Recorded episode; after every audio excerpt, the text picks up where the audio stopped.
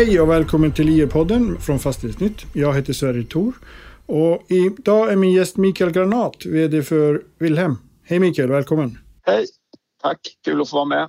Kul att ha dig med dig som vanligt. Eh, allt, allt är bra som vanligt hoppas jag också? Ja, jag tycker att allt är...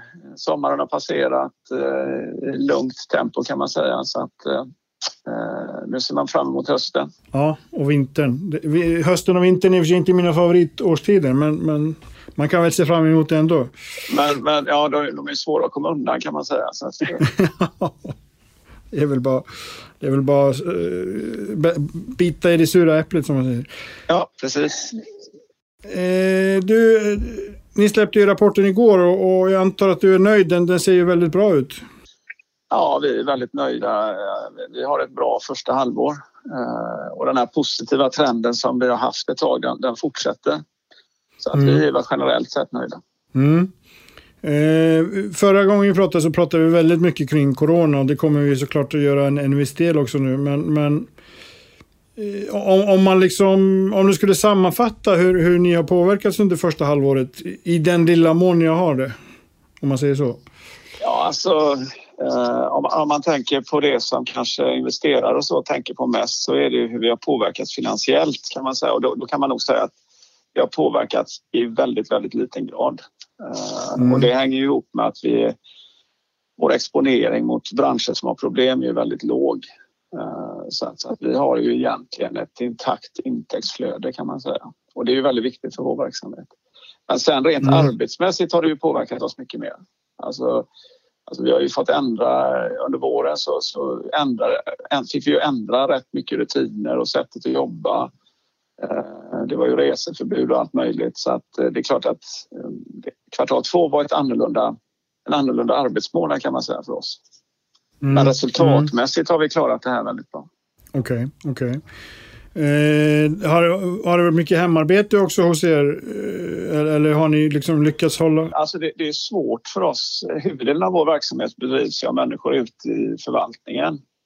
Och väldigt mm. mycket av det de gör, eh, det görs ju ute i husen alltså, så att det är svårt för dem att arbeta hemifrån. Eh, men till viss del så har ju, så har ju eh, vissa roller här på HK bedrivit sin, sitt arbete hemifrån. Och så har vi växlat olika personer har växeljobbat och sådär. Men, och vi har ändrat, jag menar, vi har ändrat en hel del rutiner ute när det gäller undertecknande av avtal. Så väldigt mycket har digitaliserats lite snabbare än vad vi hade tänkt oss kanske. Men vi blev ju liksom tvingade att ändra på en del saker. Det har varit en del positiva effekter, effektivitetseffekter.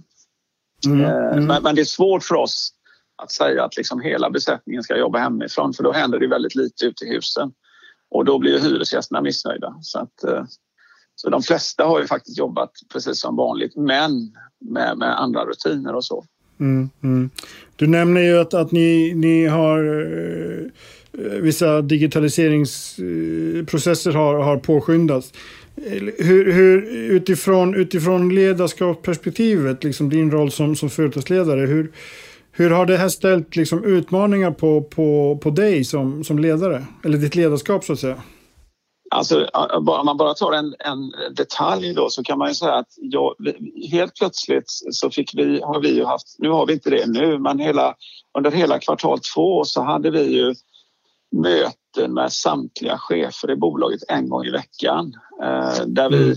där jag berättade om eh, hur vi såg, hur vi förändrade liksom rutiner och hur vi skulle hantera olika frågor. Så det var ju en ny, det var ett nytt sätt för mig. Alltså så har vi inte jobbat tidigare att jag har digitala möten med samtliga chefer en timme en mm. gång i veckan där vi pratar om en fråga. Så, så det var ju mm. liksom en, det var, det var helt nytt kan man säga. Men vi bedömde mm. värdet av det som ganska stort så att eh, när vi införde gradvisa förändringar så, så var det liksom jag som gjorde det. Eh, inte fysiskt då, utan digitalt eller på skärm. Eh, så, det är ju ett, så, det, så det är klart att det har påverkat vårt sätt att leda verksamheten för vi har ju inte kunnat ha möten och så på samma sätt som vi har haft som vi hade innan då. I mm. princip inga mm. fysiska möten och sådär. Okay. Det fanns också ett behov av att liksom vad ska man säga, täta upp eh, kommunikationen mm. runt de här frågorna. För flö, alltså hela, hela den här covid-19 situationen präglas av hög grad av osäkerhet. Mm, eftersom mm. väldigt få människor riktigt kan förklara hur saker och ting förhåller sig. Så det har ju funnits ett behov av att kommunicera det här internt ganska mycket. Är det här någonting du, du känner att det här kommer vi ta med oss liksom, in i en period efter covid-19? Ja, jag, jag, tror det är så här faktiskt att vi, vi Alltså hela Q2 präglades ju väldigt mycket av att ja, nu får vi se hur det blir efter sommaren och nu ska vi göra så här fram till semestern och sånt där. Va? Men, mm. men det som har mognat hos oss under sommaren det är ju att det här med covid-19 det kommer vi nog att få leva med ett tag. Mm. Mm. Det, det, går inte att se något slut på det utan här handlar det nog för oss om att eh, försöka driva verksamheten så normalt som möjligt men samtidigt vara medvetna om den risk som finns med, med, med covid-19. Och då, det, det, innebär ju egentligen att vi måste ha med oss mycket av det men kanske inte göra på precis samma sätt som i våras. Då. Mm. För det var ju ganska kortsiktigt som vi gjorde vissa saker. Alltså man, man såg framför sig att det här ska gå över men, men det kommer liksom inte gå över på det sättet som, mm. som vi trodde i våras, tror, tror vi då.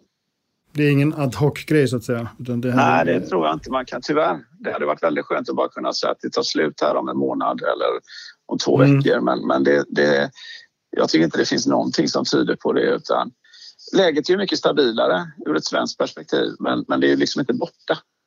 Du skriver ju i vd-ordet att, att, att, om jag läser till, för vår del har det varit en period som handlat om att upprätthålla handlingsplaner för att minska smittspridning Samtidigt som vi fokuserat på att hålla verksamheten igång som vanligt, något vi har lyckats göra på ett bra sätt. Och då undrar jag, dels var, var har, har ni gjort någonting liksom, utöver det vanliga? Nu branschen har ju överlag ändå drabbats mindre hårt än man fruktade i början. Men, men varför har ni lyckats, lyckats hålla den igång så pass väl, tycker du? Nej, men jag, jag tror att vi är ett ganska välorganiserat bolag liksom redan innan krisen och då har man mycket lättare att hantera snabba omställningar. Eh, mm. Och, och, vi har ju liksom hela tiden idag, när vi pratar om handlingsplaner och så, så, så tänker vi så, så, tänker jag i första hand på att vi har utgått från vad vi, vi, behöver, vi behöver förändra för att hyresgästerna ska känna sig trygga med mm. vad vi gör. Och då handlar det ju om att vi har ju infört rutiner i, som handlar om hur våra medarbetare som är ute hos hyresgäst eh, liksom, som ska jobba i skyddsutrustning och så vid behov. Alltså, mm. Det är ju en massa saker som, sånt som, som vi har faktiskt klarat av att hantera och det har hyresgästerna uppskattat. Vi har, vi har ändrat på projektutformning så att vi inte liksom... Alltså, om vi skulle genomföra ett, ett stamrenovering eller motsvarande någonstans så, så, så påverkar det ju människors liksom, eh, vad ska man säga, de kan inte gå på toaletten och så som vanligt och då kan vi inte skicka ut folk på gårdarna. Då måste vi anpassa sättet att genomföra projekt så att, så att man känner sig trygg med att vi, vi inte liksom bidrar till ökad smittspridning. Så vi har gjort mm. en massa so små saker och små omställningar eh, utifrån ett hyresgästperspektiv. Då. Vi har infört extra städning, vi har gjort alla möjliga sådana här saker och de, alla de här åtgärderna de ligger kvar eftersom vi, vi bedömer att vi, ja, det här är liksom inte färdigt. Mm, mm. Tror du de kommer ligga kvar när det blir färdigt? Ja, det, det är svårt att uttala sig om det, men, men det är möjligt att det visar sig att vi gör saker på ett sätt som vi faktiskt kan fortsätta att göra utan att det egentligen... Det är bara det att man gör det lite smartare. Mm, alltså, mm. så, så, det är möjligt. Mm. Det ställer lite andra krav på hur vi sköter vår verksamhet ute hos hyresgäst. Och det är väldigt viktigt att hyresgästerna har känt sig trygga med hur vi agerar då i de här frågorna. Så att, eh, och vi tycker att det, det har funkat ganska bra. Mm. Om, om man tittar på lönsamhetseffekten av det här, blir liksom förvaltningen dyrare av, av sådana här åtgärder? Ja, den, den, den, blir, den blir lite dyrare och en del projekt blir lite dyrare för att man måste ändra på genomförande och så. Men det, men det är fortfarande, om du ser på, eh, det är fortfarande på marginalen kan man säga. Det, på, det, det, blir lite dyrare men det har ju liksom ingen jätteeffekt liksom på helhetsresultatet. Okej, okay, okej. Okay. I, i vd-ordet så nämner du er, er logistikmodell som ni använder för, vid, vid liksom, uh, Wilhelmlyftet. Kan inte du berätta lite mer, mer om den? Den har vi aldrig pratat om vad jag minns. Nej, men där är det ju så att vi, det, det, blir en ganska lång historia om jag ska berätta om den i detalj. Men, men i princip så handlar det ju om hur vi hanterar material och materialtransporter ut till varje lägenhet som byggs, byggs om. Mm. Och, och, då, och, då, kan man säga att som det är nu så byggs i i princip alla våra lägenheter om enligt den här containermodellen som vi har utvecklat. Då. Och det innebär okay. att vi har en hubb utanför Borås eh, där allt material finns. Och det materialet köper vi delvis själva in eh, numera från olika ställen i Europa eh, men också i Sverige. Mm. Eh, och, och, sen så packas eh, Alltså varje lägenhetsbehov av material, varje lägenhet som ska byggas om, allt det materialet packas i en container som skickas ut till den adressen. Eh, och sen går de som ska bygga om lägenheten ner i container och hämtar de saker som man behöver för att bygga om lägenheten. Och vi vet exakt in i minsta detalj vad varje lägenhet ska innehålla och det som blir över det, det läggs tillbaks i containern och körs tillbaks till, till hubben utanför Borås. Okej, okej. Okay, okay. Bra, då har vi rätt ut det. Eh, det är två saker till som jag funderar på. Kapitalmarknaden såklart är ju, var ju påverkad i våras. Eh, för vissa helt stängd. Eh, hur ser läget ut där utifrån ert perspektiv idag? Ja, det, där kan man nog säga att eh, den, har, den har stabiliserats kan man säga. Vi, vi, vi tillhörde inte den gruppen där den var helt stängd men vi, vi märkte ju att det var trögrörligare och allt blev lite dyrare. Mm. Eh, nu är marknaden mer normaliserad kan man säga. Okej, okay, okay, eh, Ni har ju gjort en, en stor affär i, i Stockholmsområdet eh, och till, tillträtt en, en, del av den. Eh,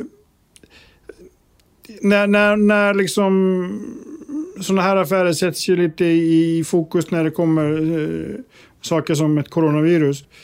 Behöver ni tänka om kring hur ni liksom placerar er på marknader, positionerar Alltså någon form av flight to safety om, om, om du förstår vad jag menar? Ja, man kan säga att, att eh, eh alltså som det är nu så har vi väl inte, eh, liksom det har inte påverkat oss som det är nu. Vi följer den strategin vi har, nämligen att, eh, att liksom, eh, investera i de orter där vi redan finns i första hand. Då. Sen har mm. Stockholm då varit ett, eh, ett geografiskt område där vi har vi har helt enkelt varit intresserade av att växa där. Eh, och, det kan man säga, det är vi ju fortfarande. Mm. Eh, det, vi, det vi funderar lite grann på, det är ju liksom, vi, vi är väldigt noga med att följa alltså, hur hög andel vi har av våra lägenheter där månadshyran är över 10 000 kronor i månaden. Mm. Uh, därför att det är klart att ju högre hyra det är på en lägenhet och ju högre, större andel man har av det så finns det en risk om det är så att människors betalningsvilja eller förmåga minskar. Så, så vi, vi, vi, följer det väldigt noga så att vi inte exponerar oss för hårt på för dyra lägenheter. Då. Och det är klart att i det perspektivet då kan man ju fundera på det här med nyproduktion och nyproducerade lägenheter. Eh, mm. Men, men det är ingenting just nu som har fått oss att ändra strategi så att säga. Men det är, det är en fråga som vi följer noga och diskuterar okay. mycket. Okej. Okay. Eh, det är dags att börja runda av. Eh, det går fort som vanligt. Men, men jag har en sån där lite framåtblickande fråga. Det, det, alltså, I allt det här som, som pågår nu så pratas det väldigt mycket om att vi börjar jobba annorlunda. Vi jobbar hemifrån. Det har vi varit inne på tidigare. Men hur ser du utifrån fastighetsägarperspektivet på frågan om, om, liksom, om folk börjar jobba hemma mer? Då lär de ju vilja ha liksom dedikerad yta för det. Det är inte så himla roligt att sitta i, i vardagsrummet och stirra in i väggen hela dagen. Nej, det, det är klart att eh, det, det, är ju ingen enkel fråga att lösa i ett redan befintligt fastighetsbestånd eh, faktiskt. Men, men, men jag, jag, tror att det är lite tidigt att dra den, den typen av slutsatser. Eh, men, men det är klart att skulle det bli ett faktum att, att det är på det sättet, då måste vi ju fundera på hur vi ska anpassa oss till, dem, alltså till det behovet eller de kraven. Mm. Eh, men jag tror att det är lite tidigt att dra den typen av slutsatser. Nu har vi haft coronakris i, vad är det, uh, ännu inte ett halvår. Mm. Uh, och det är klart att om man då ska titta kanske fem tio år framåt, i vilken grad påverkar detta människors krav på boende på fem tio års sikt? Då tror jag att då måste det gå lite mer tid innan man tydligt kan säga liksom att här, här växer det fram ett helt nytt behov. Men, men, men skulle det bli så så kommer vi behöva ta hänsyn till det. Och det är klart mm. att det är ju jättebesvärligt att ta hänsyn till det redan befintliga lägenhetsstrukturer. Om man till exempel ska liksom bygga om dem så det finns en arbetsplats i lägenheten. Alltså det kräver ju ganska mycket tankearbete och sådär. och hur man bara ska göra rent praktiskt och hyresmässigt och så med det.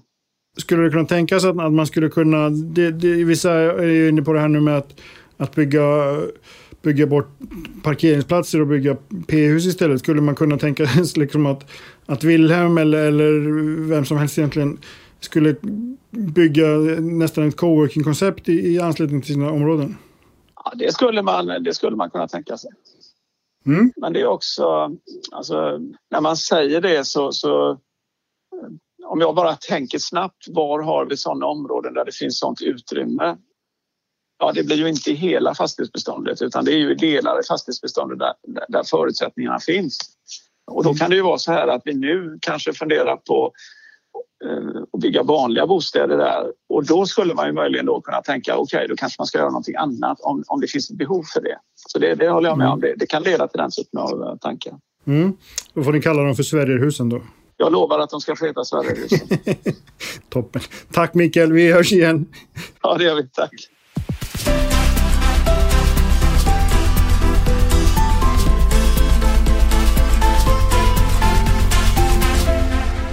Det här programmet görs på Beppo. Beppo. Beppo. Beppo.se